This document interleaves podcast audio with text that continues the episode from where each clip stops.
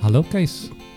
Dag Arjan. Hallo. Uh, we gaan een podcastserie opnemen over Johanne Ellenkampprijs, Uitblinkers in Rotterdam. Wie is Johanne eigenlijk?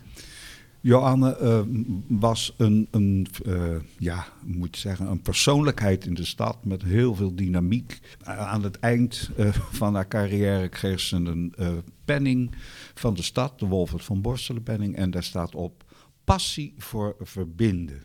Beter kun je haar eigenlijk niet uh, kenschetsen. Ze was een van de homo-ambassadeurs en, en binnen de homo-ambassadeurs toch wel de leading lady. Oké, met homo-ambassadeur bedoel je dan eigenlijk alles wat niet hetero is bijna, toch? Want het was breder dan alleen homo. Het was meer gericht op diversiteit, maar ja, dat was in tien jaar terug uh, de term waaronder de college van BMW ons uh, heeft aangewezen. En dan wist iedereen eigenlijk ook wel waar, waar, het over ging, maar het stond voor de bredere gemeenschap. Ja, ja. En jij was ook een homo-ambassadeur? Ja, samen met uh, Mark Harbers nog en Hugo Bongers, Herman Meijer en ook met Joke Ellekamp toen.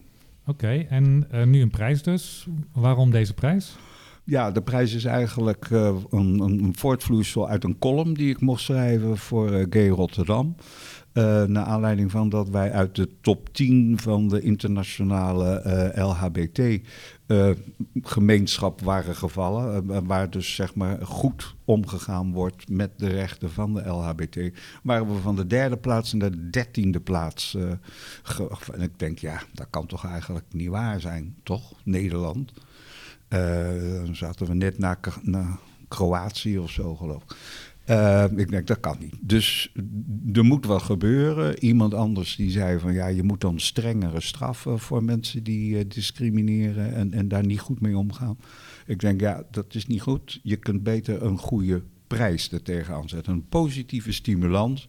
Nou, die hebben we met een aantal mensen van de grond geteeld. En uh, die wordt dan op 26 januari uh, in Ferry uh, bij de grote Rotterdam Roze receptie uitgereikt aan. Ja, daarvoor zitten we nu bij elkaar.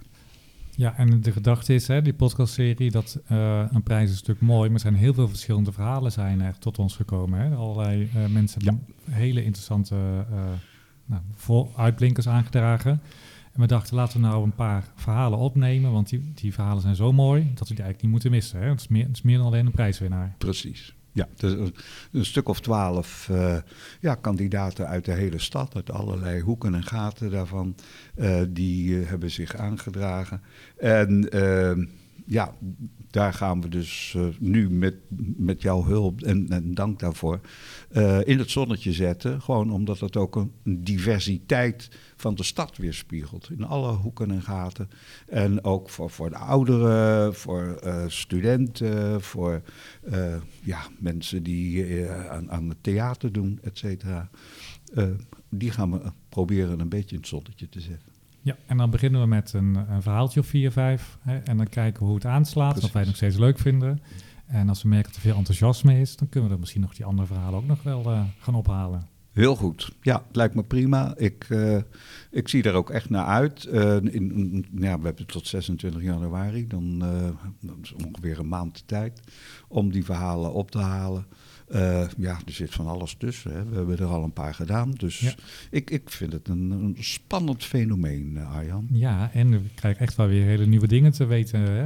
Over de pisbakken tot, uh, hè, tot de, de rozentuinen. Ja, maar ook een, een, een, mooi verhaal van zeg maar, de Roze Salon ja. in Humanitas. Met, met iemand die daar toch al heel lang en heel actief mee bezig is die het ook niet altijd even makkelijk hebben gehad. Zodat nee. ja, de snik van Dick hè, ja. kwam langs.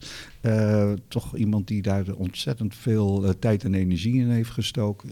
Mensen die op een hogeschool heel hard hebben gewerkt. Mensen die met voetbal bezig zijn. Ja. ja. Mensen die tegen het roze plafond zijn aangelopen, maar toch hebben erheen gebroken hè, op een eigen manier. Ook dat, ja. En, en, en een uh, razende reporter uh, die, die ja. ook allerlei uh, bijzondere interviews heeft gedaan. en ook zeg maar het, het Roze Coalitieakkoord heeft gepresenteerd. Nee, er zijn kandidaten genoeg. En dat geeft misschien ook wel weer perspectief voor de toekomst na deze eerste uitreiking. Ja, want de gedachte is verhalen inspireren. En dan hopen we dat er nog meer mensen mooie dingen kunnen doen voor de LHBTQIA plus gemeenschap. Ja, het idee van, van wat ik dan eigenlijk uh, ja, met een uh, fout Nederlandse uitdrukking noem best practices. Maar de, de, je kunt van elkaar leren. Je kunt natuurlijk zien hoe dat op andere scholen gebeurt met vertrouwenspersonen.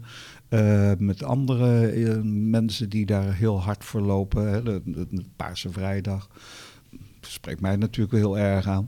Maar uh, hoe, hoe, ga je daar uh, mee om op een school? Wat kunnen anderen daarvan leren? Hoe kun je dat uh, stimuleren bij elkaar?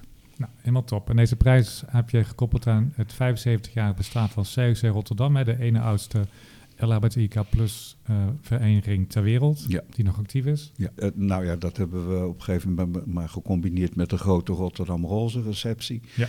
En daar vieren we dan ook 75 jaar COC, die zich natuurlijk ook al zo lang daarvoor inspannen om dat uh, onder de aandacht te brengen. En ook goede contacten heeft met de politiek. Zo is het. Nou, dankjewel. We zijn benieuwd naar alle mooie verhalen. Dankjewel voor het luisteren naar deze Rainbow Story. Ze zijn te vinden op de gebruikelijke platforms zoals Spotify, iTunes en zoek dan op Rainbow Story of op Arjan Beunen. En ook zijn de Rainbow Stories te volgen op Insta. Ook zal ik over de Rainbow Stories vertellen in mijn blog bij oudinrotterdam.nl. Dus als je nog vragen, tips of ideeën hebt, kom maar op.